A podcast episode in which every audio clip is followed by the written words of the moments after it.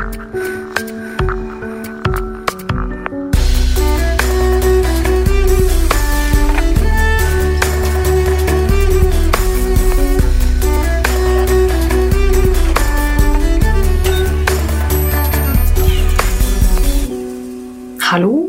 er det noen der? Velkommen, hører du meg? Jeg håper det. Uh, vi satser på det. Ok, vi kjører nå. Uh, velkommen.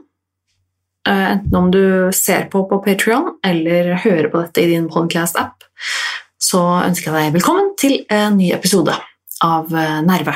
Jeg heter Tone Sabro, samme som sist, og eh, har ikke bytta navn på mange år nå, så det er ikke noe nytt der.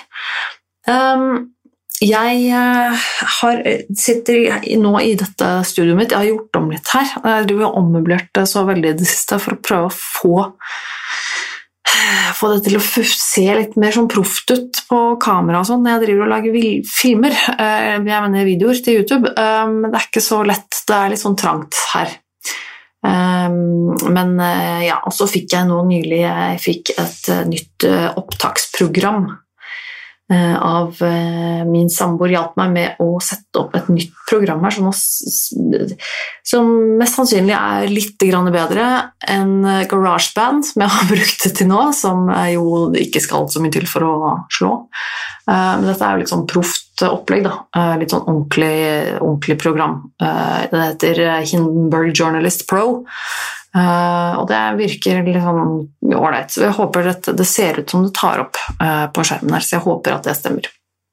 Uh, jeg håper du har en god kveld der ute. Nå er klokka snart ti på kvelden her hos meg. Det er onsdag. Og jeg måtte Ja, jeg, jeg, jeg, var litt sånn Jeg var sliten i dag, så jeg merka at eh, jeg hadde Jeg var ikke så keen på å drive og lage podkast i dag, for å være helt ærlig. Jeg trengte en skikkelig pause med noe litt eh, mat og litt YouTube-greier sammen med kjæresten min på TV. og ja.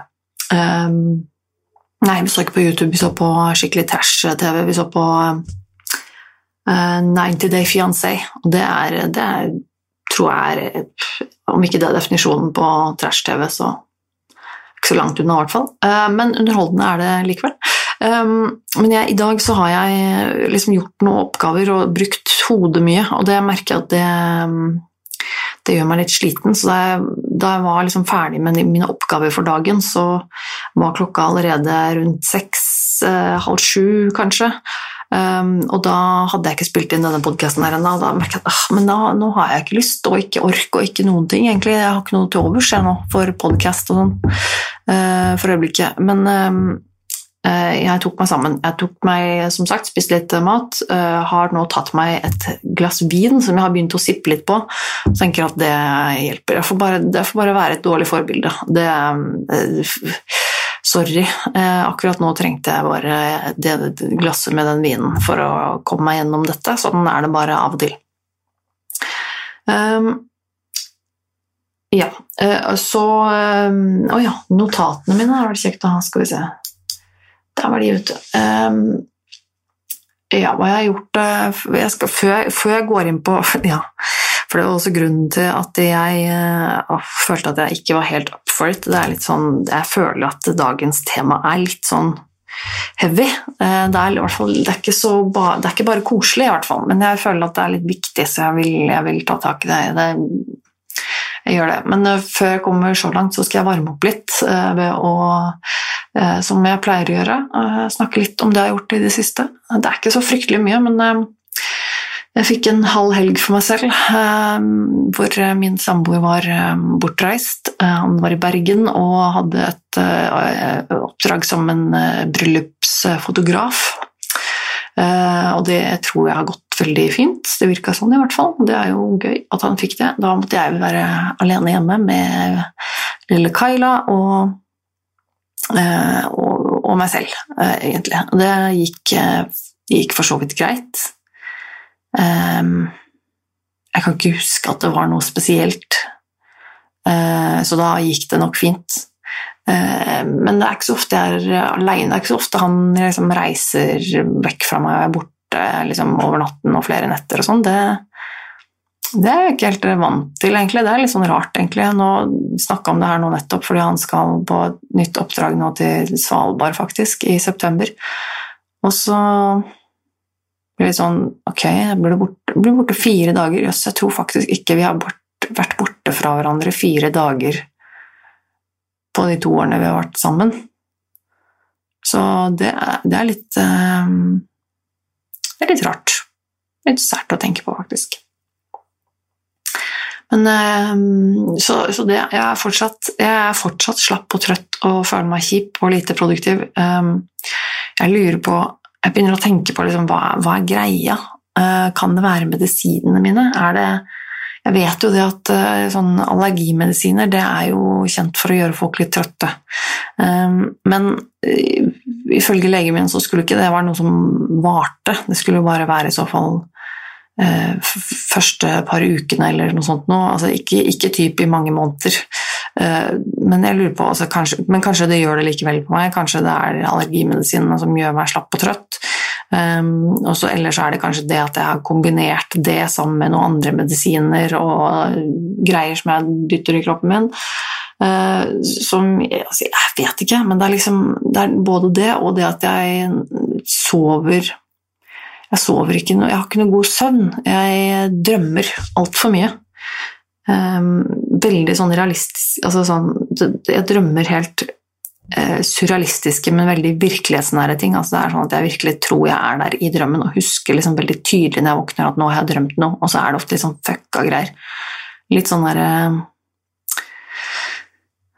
eh, rart og bisarre greier som er litt sånn forstyrrende. Ikke direkte mareritt nødvendigvis, eh, men heller ikke noe som er sånn hyggelig. Det er sånn rart og liksom at jeg får, våkner opp og så bare Vaif, svarte. Og så er jeg liksom bare sliten når jeg våkner, for jeg har liksom ikke fått hvilt ordentlig, og det er noe ordentlig drit. Altså, for i dag så har jeg også eh, i, dag så, og, i, i, dag da, så hadde jeg en liten jobb å gjøre med tanke på dialogisk podkast, som jeg hjalp til litt med sånn, skrive litt, eh, litt, tekst og lage litt sånn bilder og sånn. Um, og i tillegg til det så hadde jeg fått en sånn um, Jeg hadde begynt på dette oppfølgingsgreiene uh, fra Nav, det nevnte jeg vel uh, nå sist gang, tror jeg, uh, at Eh, oppfølgingsenheten Frisk har nå grabba meg og begynner å skal kartlegge, kartlegge meg. Hun sendte meg en sånn link til en sånn karriereverktøy-testopplegg som jeg tok i dag. Og det, det, er jo selvfølgelig veldig stas. og så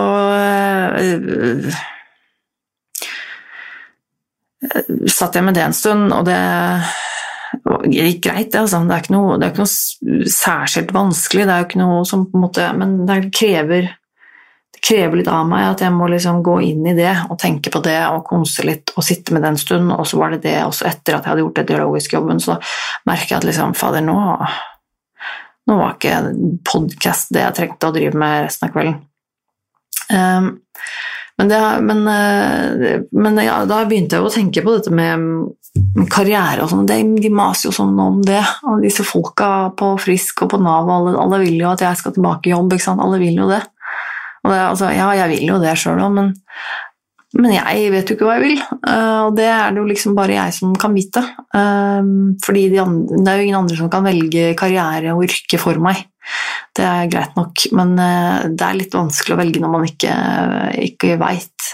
Det eneste jeg veit, er jo at jeg Altså, jeg vil jo bare gjøre det jeg gjør nå, jeg. Det er det som er så kjipt, for at de skal ha meg til å tenke gjennom sånn Ja, men hvilken jobb kunne du hatt, og hva, hva tror du skal til for at du kan klare ditt og datt, og sånn.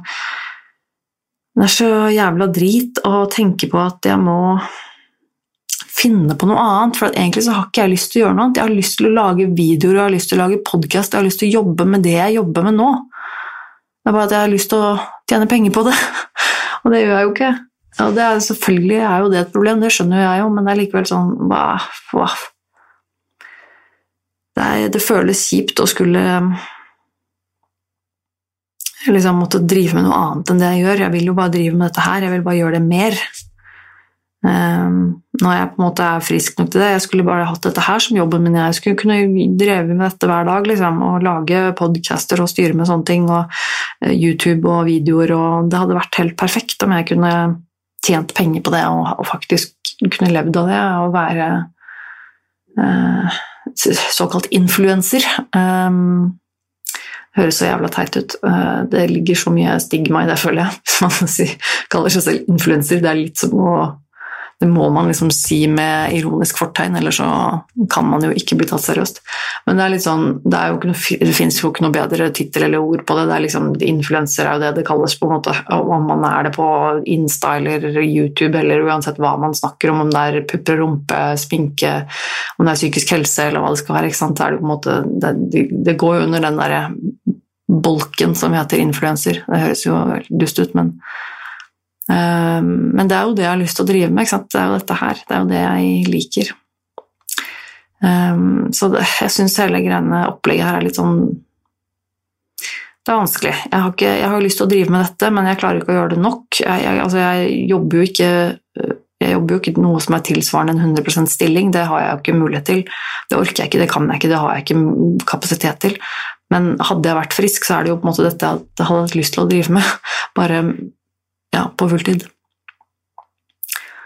Så det er litt sånn surt. Ehm, men hun der dama jeg snakker med der borte, er i hvert fall eh, hyggelig, i motsetning til de fleste som er på Nav. Så det er jo i hvert fall bra. Ehm, men jeg skal begynne å For å ikke dra ut dette her til eh, altfor lenge, så skal jeg begynne å snakke om eh, dagens tema. Det er noen ganger sånn når jeg skal lage denne podkasten her, at det bare dukker opp noe som tenner en liten eh, gnist i meg, og tenker at jo, det, det her har jeg lyst til å si noe om, det her er, det her er bra.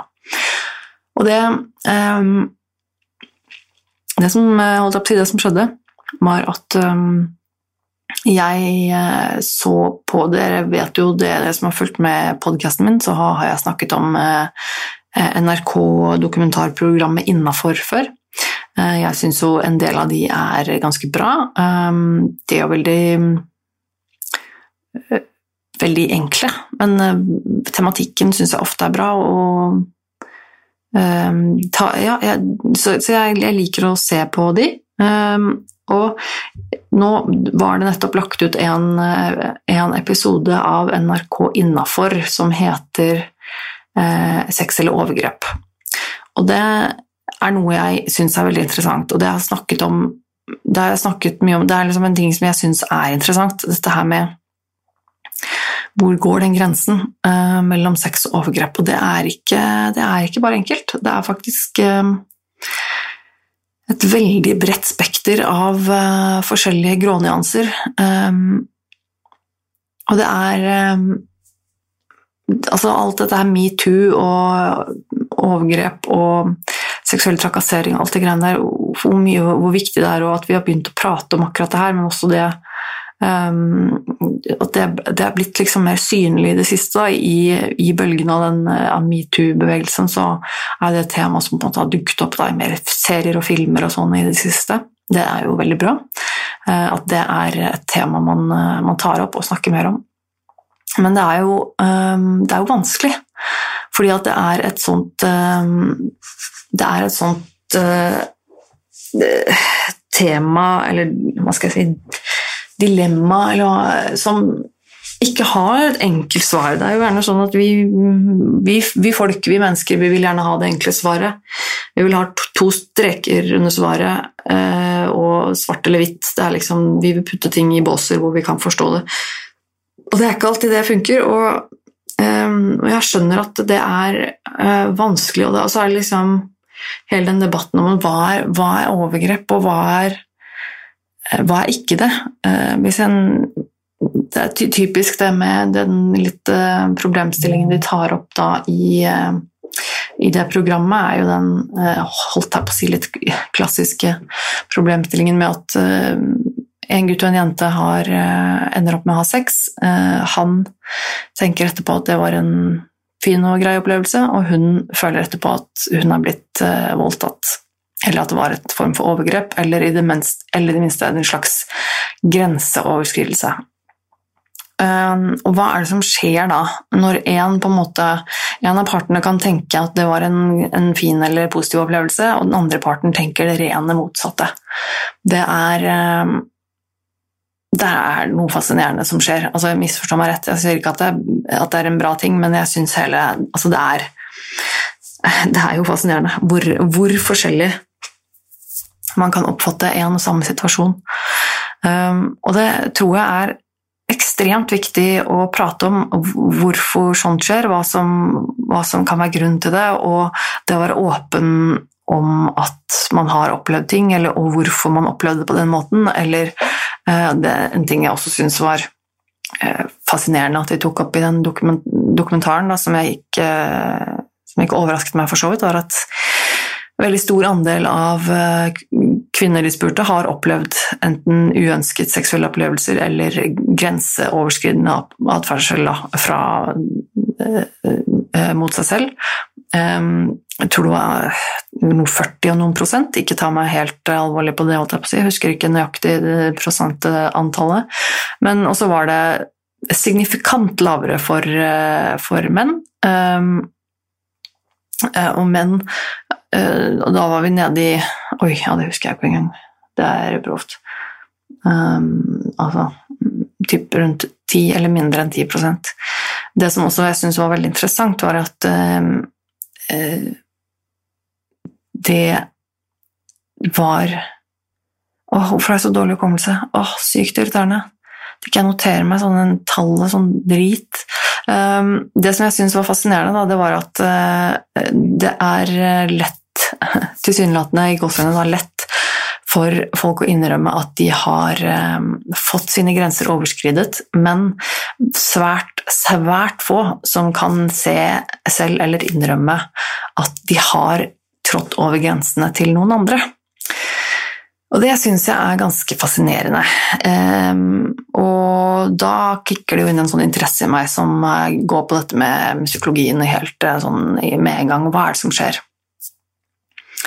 Ehm, for, for, for, de fleste overgrep som anmeldes, de fleste voldtektssaker og sånne ting, er jo heldigvis, da for så vidt, um, er ikke overfallsvoldtekter uh, som er voldelige og som er ja, overfall.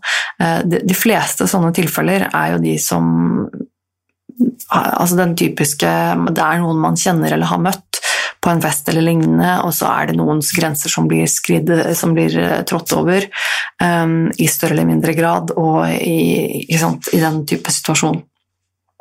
Og det, jeg, ikke, jeg, sier ikke å påstå at det er noe mindre alvorlig, eller at det kan være noe mindre traumatiserende enn et overfall, um, men jeg tenker at uh, uh, at det, det at uh, de fleste av overgrep er noe som skjer i, si, i en relasjon mellom to mennesker som, som um, holdt jeg å si, er klar over situasjonen. Tenker at Det kan hende kanskje at det er lettere å avverge sånne situasjoner i fremtiden hvis man faktisk går inn og tør å snakke litt om hva det er som skjer, og endrer kanskje noen uh, tankemønstre eller holdninger eller Jeg vet ikke. Uh, I motsetning til overfalls, en overfallsvoldtekt er det jo svært lite man kan gjøre med på samme måte. For jeg syns det er jeg, skal, jeg, har, jeg, har, noen eksempler, fordi jeg tenkte også at siden jeg først skal snakke um, Siden jeg først skal snakke om dette, så um, føler jeg det er legitimt å komme med noen eksempler. Jeg har Jeg har opplevd å få uh, min grense tråkket over. Um, og faktisk ved mer enn én anledning. Um, uh, og i mer eller mindre grad. Men um, det eksempelet jeg skal gi nå, uh, det syns jeg kanskje illustrerer litt den situasjonen og hvor vanskelig det kan være for for så vidt begge parter i en sånn situasjon. Um, jeg skulle på en date med en fyr. Um, dette her er jo noen år siden nå. Uh, jeg skulle på date med en fyr. Jeg hadde ikke møtt ham før, men hadde snakket med han en god del i forkant. Jeg er jo typen som liker å bli litt trygg på folk før jeg treffer dem. sånn i form av å prate, prate litt skriftlig og sånn fram og tilbake. Jeg er den typen. så jeg hadde snakket med han ganske mye, og jeg er veldig fan av å snakke åpent om ting, og det gjelder også sex og seksuelle preferanser og sånne ting. Jeg tenker at hvis man skal treffe noen, og det er litt sånn um, Man kanskje forventer at det kan skje noe seksuelt, så er det viktig å snakke om sånne ting på forhånd. Um, hva, om det er noe spesielt man liker eller ikke liker, hvis man har noen grenser, og kanskje faktisk sette de grensene på plass um, tydelige fra tidlig av. Um, og det jeg opplevde, var at jeg, jeg gjorde akkurat det. Jeg hadde fortalt han om uh, noe jeg ikke ønsket at skulle skje um, når vi hadde sex. og så skjedde det likevel når vi hadde sex. og det var for meg ikke spesielt hyggelig. Jeg hadde sagt til han på forhånd at akkurat akkurat det ville jeg ikke. Eh, akkurat sånn og sånn. Eh, det er liksom ut av, ut av bildet, holdt jeg på å si, og det var liksom Det forsto han. Eh, Riktignok så uttrykte han at han sa at eh, han syntes det var synd, fordi det var noe han satte pris på, da. eh, og likte å gjøre. Og så sa jeg at ja, men det Det er utelukket, liksom. Og da var ok, ja ja Det var greit, liksom. Og ikke, ikke misforstå fyren her, for han fyren her var egentlig en veldig oppegående og ålreit fyr. Uh, og ikke noe Og det mener jeg fortsatt uh, at han er. Jeg vet at han er det. Han er ikke noe dårlig type. Um, så um, da det skjedde, så uh, gikk det på en måte litt av seg selv. det skjedde jo på en måte midt under eh, seksualakten så ble det plutselig bare sånn at eh, det skjedde. Ehm, den ene tingen jeg hadde sagt at jeg, det her vil jeg ikke gjøre. Og eh, jeg merka jo at jeg likte det jo ikke. Jeg, jeg fikk jo litt sånn å, oh shit, å, oh shit, å, oh shit, å nei, å nei, å nei, å nei, å nei, å nei. Dette her, det, det her vil jeg ikke, det her er ikke greit. Um, og det som skjedde Måten jeg reagerte på, uh, var også en, en, noe som man hører ofte at er en måte mange jenter også reagerer på i den situasjonen. Sikkert gutter også, for så vidt, da, eh, for alt jeg vet. Um, det var jo at jeg eh, egentlig frøs litt til. Uh, og uh, klarte ikke å si noen ting, og, og ble litt sånn perpleks. Og, og, og egentlig um, um, Ja, vanskelig å forklare, men um, min, min, hjerne skrudde på en måte litt over i en slags overlevelse. Uh, og det hjernen min da, gjorde, tenkte på en måte automatisk at, var, at det var det jeg måtte gjøre for å overleve, var å bare um, overleve. Altså bare uh, kom deg gjennom det. Bare um, overlev. Eh, så det jeg gjorde, var jo da egentlig å fryse. Og ikke gjorde noen ting. Jeg sa ikke noe, jeg gjorde ikke motstand. Jeg klarte ikke det. Um, og jeg husker jeg lå og tenkte at bare åh, please, bli ferdig, bli ferdig, bli ferdig. Håper det er over snart. Nå må det være over snart. Det er sikkert over snart. Um, bare, bare jeg følte et veldig, veldig sterkt ubehag. Uh, og det var selvfølgelig ikke det, Akkurat det var um, veldig ubehagelig. Uh, og så uh, Det jeg skal fortelle videre, er sikkert rart for mange, men vi fortsatte å ha sex. Uh, hadde mer sex etterpå. Og det var til og med veldig hyggelig stemning etter at vi hadde hatt sex. Vi lå og pratet og hadde det hyggelig og ja, eh, det var hyggelig stemning eh, etterpå. Eh, og så var det vel kanskje ikke før Jeg husker ikke om det var senere på kvelden eller dagen etterpå hvor jeg faktisk begynte å reagere på det. Eh, og det var vel egentlig først da jeg fortalte om det eh, Fortalte om det til kjæresten min. Uh, for, ja, altså, for dere som dette Jeg innså nå at dette høres kanskje veldig rart ut for de som ikke der ute er klar over at jeg har et åpent forhold med min kjæreste. For vi har et åpent forhold. Så eh, kjæresten min var helt, helt, helt eh, 100% klar over eh, at jeg skulle treffe denne fyren. Eh, han var helt klar over og innafor med at vi hadde sex, og ingen vonde minner og ikke noe, ikke noe uvisst. Alle, alle, parter, alle tre parter visste om hverandre. Så det er ikke noe, ikke noe hemmelighold. Ikke noe sånt noe. Men jeg fortalte jo også dette til, eh, til kjæresten min da jeg kom hjem, um, og sa det at uh, jeg At det hadde skjedd. At og da ble kjæresten min litt sånn ja vel, men, sa, men hadde, dere snakket, hadde dere ikke snakket om dette? Og sånn, og så sa jeg jo Jeg hadde jo faktisk for Jeg hadde jo faktisk, jeg hadde jo faktisk sagt det til han på forhånd. At sånn og sånn vil jeg ikke. Um, og så uh, merka jeg at jeg begynte å reagere på det, og da kjente jeg at jeg fikk veldig angst. Og for da begynte det på en måte å gi, gå litt opp for meg hva jeg hadde, hva jeg hadde opplevd. Og det høres kanskje rart ut at det tar så lang tid, men det er nok heller ikke veldig uvanlig.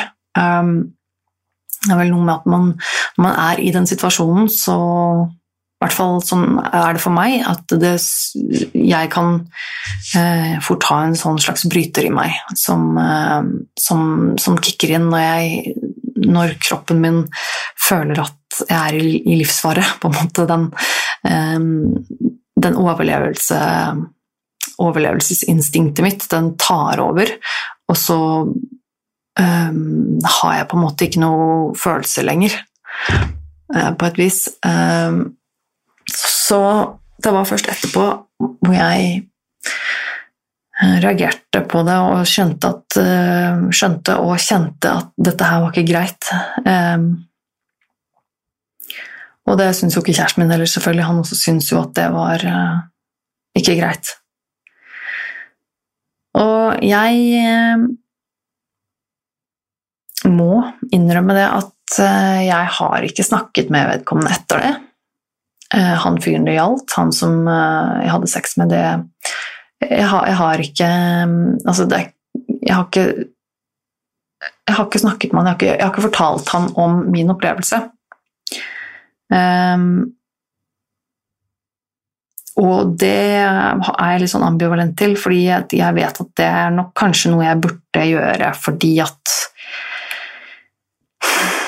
Fordi at det kan være lurt at han også blir oppmerksom på at det ikke var greit. Um, og så på den annen side så jeg, så er det liksom den følelsen at ja, men jeg vet at han jeg vet at han ikke er en dårlig fyr. Jeg vet at han ikke gjorde det for å skade meg eller gjorde det for å være kjip. Jeg vet at jeg er sikker på at han gjorde det fordi at han tenkte at det var noe jeg egentlig ville. Um, så det er, det er, vanskelig. Det er skikkelig uh, Det er skikkelig vanskelig, og jeg, jeg kan skjønne når jeg tar meg selv eh, litt sånn ut og ovenfra ut fra den situasjonen og ser ned på det som skjer der, så kan jeg godt skjønne at dette er en situasjon Dette og alle lignende situasjoner kan fort bli komplisert og vanskelig. Fordi eh, jeg tror at det, som det som ofte skjer, da, hvis vi tar utgangspunkt i at det er en mann som eh, vil ha sex, og kvinnen kanskje egentlig ikke vil det, og han forgriper seg på henne eh, likevel. Altså, la oss si det er på en måte utgangspunktet. Og så tror jeg ofte at, eh, at de fleste menn som, eh, som opplever dette, eller som gjør dette, ikke nødvendigvis mener å være kjipe det kan godt hende at de helt oppriktig har eh, trodd eller tenkt at eh, nei, men hun vil det helt sikkert, hun bare, hun bare spiller litt kostbar, eller ja, men hun bare prøver å gjøre seg til litt søt, eller ja, men vi har jo flørtet. eh, hele kvelden, og hun virka så gira på det, og hun eh, Fordi at man eh, er, Fordi at man da er eh, kanskje kåt, man har lyst på sex, og man eh, leter etter tegn og grunner for at hun egentlig mener ja. Eh, og det blir litt sånn at man ser etter det man ønsker å se. Og det er nok eh, ganske underbevisst. Eh, og i tillegg, hvis man kanskje har drukket litt, eh, så er det Så gjør jo ikke det vurderingsevnene noe bedre. Men sånn er vi jo i livet, og jeg tenker at i en sånn situasjon så kan nok det kanskje bli litt forsterka. Det med at man, man ja, kanskje ser og hører litt det man vil høre og se. At, fordi at man har lyst til å ha sex med vedkommende, og derfor har man ikke lyst til å få et nei. Og derfor så leter man kanskje underbevisst etter, etter tegn på jo og ja. Uh, og lager kanskje scenarioer eller unnskyldninger i sitt eget hode for at jo, men hun mener egentlig ja, eller jo, men hun vil jo det egentlig. Og at man faktisk tror på det, og ikke mener å gjøre noe mot hennes vilje. Så jeg kan, jeg, kan, jeg kan, ha forståelse for det. Jeg kan eh, helt, helt, fullt ha forståelse for at det er lett å havne i en sånn situasjon. Også som jente så skjønner jeg det fordi at det er vanskelig som jente iblant å si nei. Jeg har kjent på den. Eh, jeg har kjent på den. Jeg kan Jeg vet at eh, det fins så mange grunner til at det å si nei er vanskelig. Uh, og selvfølgelig så skal man jo Man, man, man skal si nei. Altså, misforstå meg rett, det, det, er jo ikke noe Selvfølgelig så skal jeg også på en måte prøve å si nei, og, og, til, og hvis jeg mener nei, så har jeg også et, et ansvar i det hele. Det er et 50-50 ansvar, det å ha sex. på en måte Det skal være Eh, et ansvar som ligger i, på begge parter. Og det er litt sånn Ja, jeg har ansvar for å, for å kommunisere om jeg vil eller ikke vil. Um, men, men det er vanskelig um, uh, Må jeg bare se at jeg ikke hopper over uh, Skal vi se Ja.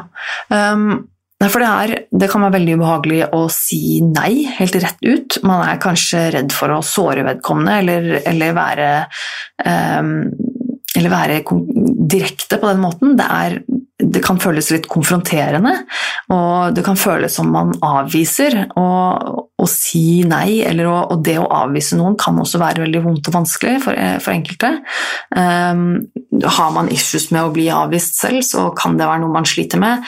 Um, det kan også være at man selv føler at uh, ja, men ja, ja, ok, jeg flørta litt, men jeg har, gitt, jeg har, ikke gitt, uttrykk for at jeg vil ha sex.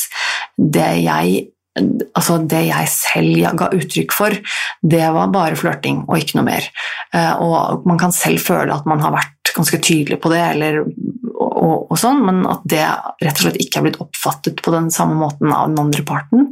Um, men det er um, man, kan føle, man, kan føle, press, man kan føle redsel. Kanskje man blir uh, redd for å drite seg ut, eller drite ut vedkommende. Man er redd for å, uh, redd for å skuffe. Redd for å uh, Altså, det kan være det kan være veldig mange grunner til at det er vanskelig å eh, si nei eh, rett ut, og bare si 'nei, dette vil jeg ikke'.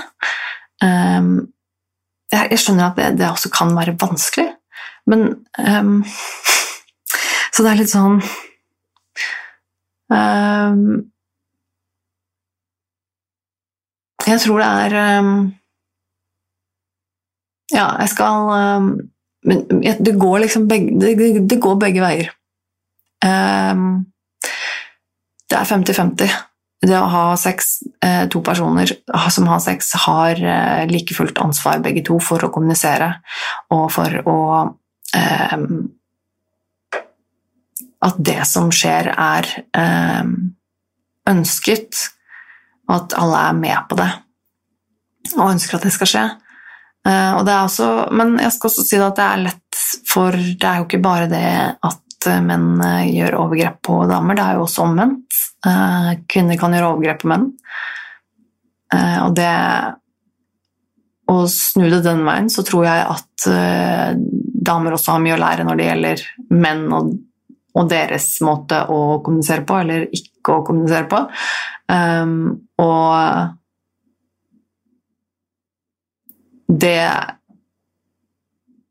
um, Åh, det satt langt inne nå, kjente jeg, å si det høyt. Um, men jeg skal dele med dere det. Jeg har ikke sagt det så mange før. Jeg skammer meg veldig over det.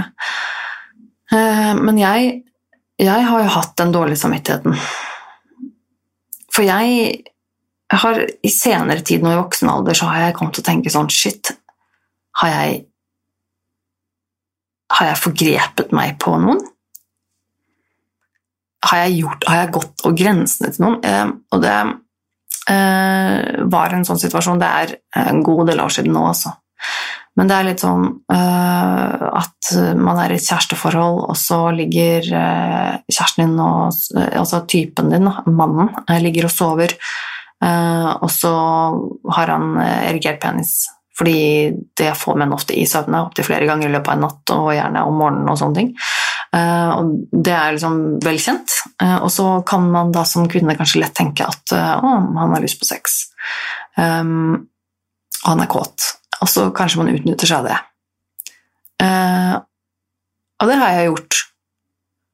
Det har jeg faktisk gjort. Uh, I velmenende tilstand, holdt jeg på å si. Uh, og faktisk Og jeg, jeg, husker jo også at jeg snakket jo med han kjæresten min om det i etterkant. Og han bekreftet at han syntes det var greit. At han, altså han sa at ja, nei, men han hadde ikke noe imot det. Det, så heldigvis får jeg bare stole på at det stemmer, men likevel så kjenner jeg at det er, det, det er kanskje ikke helt greit. Eh, fordi at det er også noe med det at eh, menn trenger ikke å være kåte bare fordi de har ereksjon. Eh, det er en fysiologisk reaksjon, men det trenger ikke å være en kåthet som ligger bak. Og det er ikke Jeg vet, jeg vet ikke Altså, vet, vet, ikke damer det? Det er Nå som jeg vet det, så er det jo så selvsagt, men, men jeg tenker at det er, det er nok kanskje ikke alle som tenker over det. Jeg tenker at jeg tror ikke vi ble lært det på skolen, hvorfor kan jeg ikke huske at jeg lærte det? Um, men det er jo selvfølgelig også viktig at eh, kvinner også lærer at uh, hvordan et mannlig kjønnsorgan fungerer, og ikke bare omvendt. Um, det er uh, like enkelt for en kvinne å liksom i så, i sånn, så måte å gjøre overgrep Utføre et overgrep på en mann um, som det der omvendt når det kommer til en sånn situasjon som det. Og det Det jeg tenker da som jeg syns er litt sånn det er ikke noe altså Ja, det er ikke noe enkel løsning. Det er liksom Men Eller er det det? Jeg tenker jo at det, det trenger ikke å være så jævla vanskelig heller. Fordi at uh, Ja, altså mine tanker, da Jeg, jeg har ikke noe fasitsvar. Jeg vet ikke hva som er riktig og galt. Hva som, hva som men, men, jeg tenker jo at når, man skal, når, man har sex, så må man være såpass moden og voksen i huet sitt at man er klar til å ta det ansvaret. Fordi det er et ansvar. Eh, og spesielt nå når vi vet hvor komplisert det kan være med samtykke og sånne ting, så bør man være ekstremt nøye eh, når man skal ha sex med et uh, nytt individ, holdt jeg på å si, som, uh, og, og, og vite hva man driver med. Uh, eller altså i forhold til samtykke. Eh, og jeg Sorry, jeg trengte den vinen der, altså. Um, for det Det jeg tenker som jeg tror at er et, også en del av problemet, er at um, jeg føler liksom at, vi, at det er så vanlig eh, liksom, å se for seg at sex skal være sånn som det er i porno eller på film. Um, og det er kanskje klisjé å si det, men jeg, jeg, føler liksom at det er Jeg tror det er noe i det. At det ligger noe der. Som, som, fordi vi er så vant til å se på porno, eller vant til å se på sex i sånn som det foregår i, i Hollywood-filmer, og sånn, hvor alt er så spontant og vakkert, og man bare leser hverandres tanker, og um, det er liksom bare Plutselig så bare åh, begynner man å kline og kaster seg på sengen og har den mest lidenskapelige, deilige sexen. Og um, man trenger ikke å snakke sammen engang, og alt er bare så sexy og uten ord. Og, det er bare, og samme for så vidt i porno også. Det er liksom eh, Alt skal være så Jeg tror det er ikke bare urealistisk, men jeg tror også det er veldig, veldig usunt. Og så tror jeg det er en sånn tror jeg det er veldig mange som innbiller seg at, det er, at det er veldig usexy å snakke om sex, eller å spørre om sex. Og der er jeg så uenig. Jeg er så uenig. Det å snakke om sex kan være veldig, veldig sexy. Det å spørre om man er sikker, det kan også være veldig, veldig sexy. Og da, Jeg skal gi et veldig konkret eksempel, for det her husker jeg så godt. Jeg, eh, og Det er kanskje TMI for noen av dere, men jeg tenker fuck it, det er viktig. Fordi første gang jeg hadde sex med kjæresten min, så husker jeg det her så godt at han um, Han er og har vært alltid veldig liksom, nøye på det der um, med samtykke. Og jeg husker at kjæresten min, før vi hadde sex første gang, spurte han meg om jeg var sikker på at jeg ville det. Jeg tror til og med han spurte meg to ganger på to forskjellige liksom, tidspunkter liksom, Først da vi liksom begynte å rote litt, og så senere, altså før det skjedde noe ordentlig, så var det liksom sånn Er du helt sikker? Og, og, det, og det høres kanskje veldig usexy ut, uh, men det var det ikke. For det tvert imot så fikk jo det meg til å føle meg veldig trygg. Det fikk meg til å føle meg, at, uh, føle meg trygg og ivaretatt. Det fikk meg til å skjønne at han, at han ville gjøre meg godt.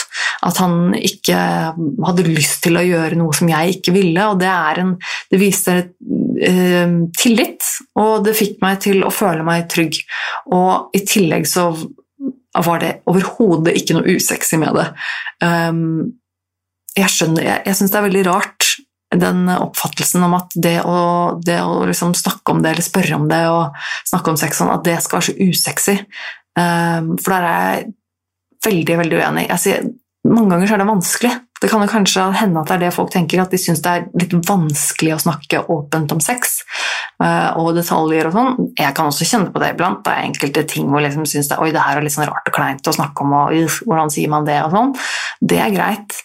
Men det trenger ikke å være usexy å snakke om sex. Det kan være helt uh, kjempesexy og pirrende og spennende å snakke om uh, hva man tenker på, eller uh, opplevelser, eller spørre spørsmål om ting. Hva man har opplevd før, eller hva man Altså, det er Det er ikke usexy å snakke om sex, folkens. Seriøst. Og det er ikke usexy å spørre om lov, holdt jeg på å si. Å spørre om 'er du sikker'? Har du lyst? Det kan være sykt sexy, så ikke kom her og fortell meg at det ikke funker. Um, så det Og så, ja Jeg må nevne det også. Uh, jeg snakka litt med, med, kjæresten min om det her i går, um, etter at jeg jeg hadde sett litt på den dokumentaren og nevnte det at eh, jeg ville snakke om det her, for det her syns jeg er noe som er viktig å snakke om. Eh, og jeg spurte han også om det var greit at jeg fortalte han om, om det her, og han sa ja. Og i tillegg så, så kom han med en kommentar eh, som jeg syns, eh, syns var veldig bra, og det er eh, Han sa at eh, at man som som mann eh, bare anta at hun ikke vil ha sex, helt til det motsatte er ettertrykkelig bevist. Og det syns jeg var en utrolig eh, bra ting også, ikke bare fordi det er en god holdning å ha, fordi at man skal være helt, helt, helt, helt sikker. Eh, bare anta at hun ikke vil ha sex, til det motsatte er bevist. Og tenke at du har, det har du ingenting å tape på det er win-win. Fordi både det at da er du faktisk sikker, hvis det faktisk ender med sex, så er man sikker på at begge to ville ha sex, men også det at et langt vorspiel er jo ofte noe som damer setter stor pris på uansett. Så hvis man bruker litt lang tid på det og prøver seg litt fram, litt forsiktig og kanskje snakker litt og kommuniserer og faktisk er helt, helt sikker før man har sex, så tror jeg det nesten garantert er en win-win-situasjon. Eh, fordi det er ofte sånn eh, gutter der ute Det er veldig, veldig, veldig ofte sånn at jenter setter pris på litt sånn langt forspill. Eh, for det er noe med at jenter ofte bruker litt lengre tid på å komme helt inn i den hva heter det, modusen enn det gutta gjør. Eh, ofte. Så jeg, jeg syns det var en veldig, veldig, god ting å si. Antatt hun ikke vil ha sex, til det motsatte er ettertrykkelig bevisst. Da var det liksom da, da, Det er helt supert. Um, skal vi se ja, det, jeg syns det var en god ting. Det, jeg tror det har liksom noe med Jeg tenker at um, er man voksen nok til å ha sex, så skal man være voksen nok til å være ansvarlig. Og ta sin del av det ansvaret. Både som um, Både ved å si fra at man vil eller ikke vil. Selv om jeg skjønner at det selvfølgelig er vanskelig noen ganger, men det er noe med at man må kommunisere om det. Um, ja, det er mulig at det høres bare surrete ut, altså. Men det er litt sånn, ja, men det er sånn altså For eksempel eh, også noe som jeg syns da blir et slags eh, bekreftende eksempel. Da. At eh, eksempel i BDSM-miljøet Det er jo en sånn Eh, noe som de fleste som ikke vet noe om det eller ikke er med, liksom, syns jo det høres veldig spennende Nei, veldig skummelt ut, og kanskje tenker at å, oh, herregud, det er jo crazy people, liksom, sånn som de holder på. Eh, BDSM er jo bare overgrep, og det, der må det i hvert fall skje mye rart. og um, men tvert imot så er det jeg har liksom øh, ikke jeg fryktelig mye erfaring, da skal jeg ikke skryte på meg, men øh, lest og hørt og kjent til andre har sagt og altså jeg opplevd, så er det noe med at det ofte er litt omvendt. Uh, og det er jo nettopp fordi at i, ofte i type BDSM, seksuelle relasjoner og i liksom kinky miljøer og sånn, så er det veldig viktig med å ha regler og uh, avtaler.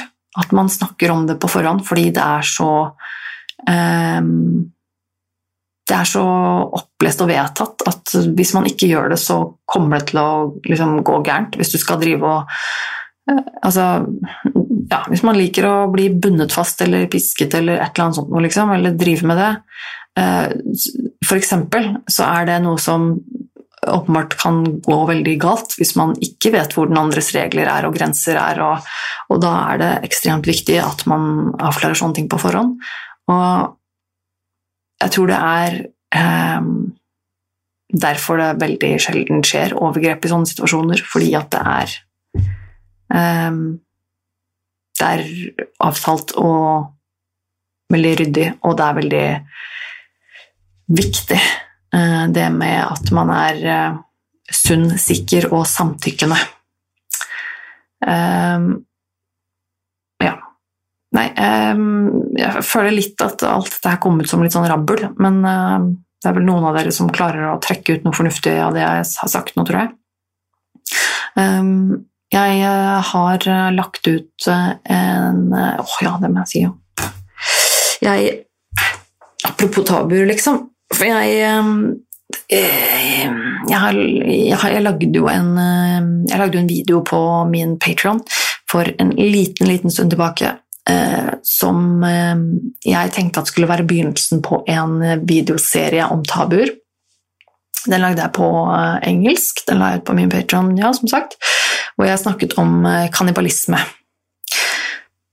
Og det eh, syns jeg var veldig gøy. Det var en eh, gøy video å lage. Jeg syns det var gøy å dele den også. Jeg og fikk jo litt begrensa med tilbakemelding på den, siden den var lagt ut med min Patron, og da er det jo ikke så innmari mange. Men jeg tenker nå at jeg har litt lyst til å legge den ut åpent på min eh, YouTube-konto, sånn at alle kan se den. Og det mm, er litt skummelt, men samtidig veldig gøy. Um, så jeg tenker at uh, kanskje nå snart på YouTube så kommer det en video om uh, kannibalisme.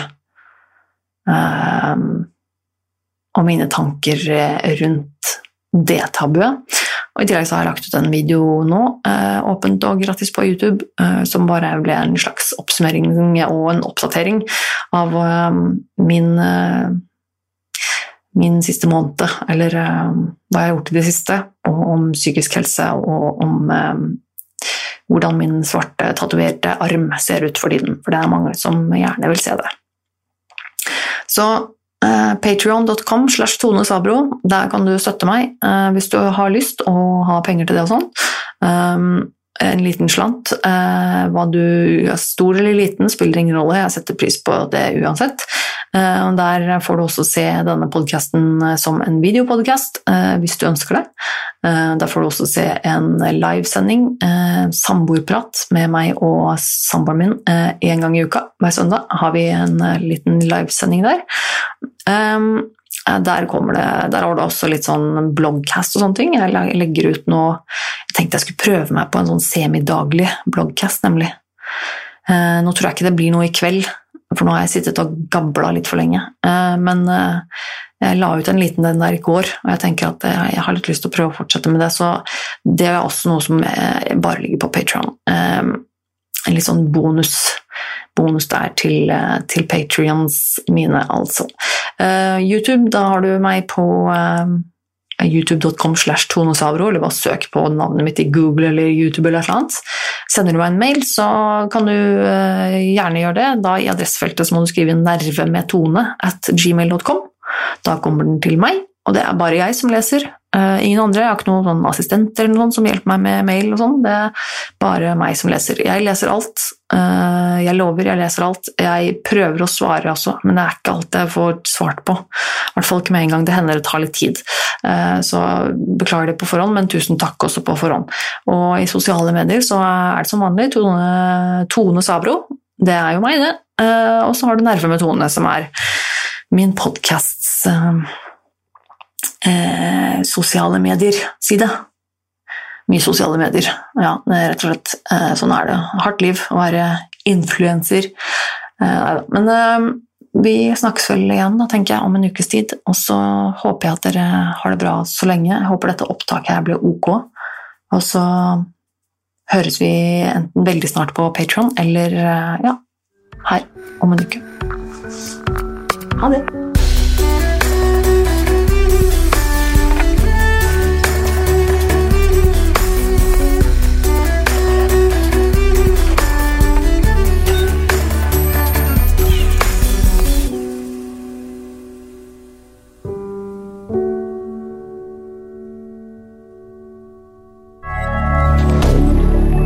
Media. Har du et enkeltpersonforetak eller en liten bedrift? Da er du sikkert lei av å høre meg snakke om hvor enkelt det er med kvitteringer og bilag i fiken, så vi eh, gir oss her, vi. Fordi vi liker enkelt. Fiken superenkelt regnskap.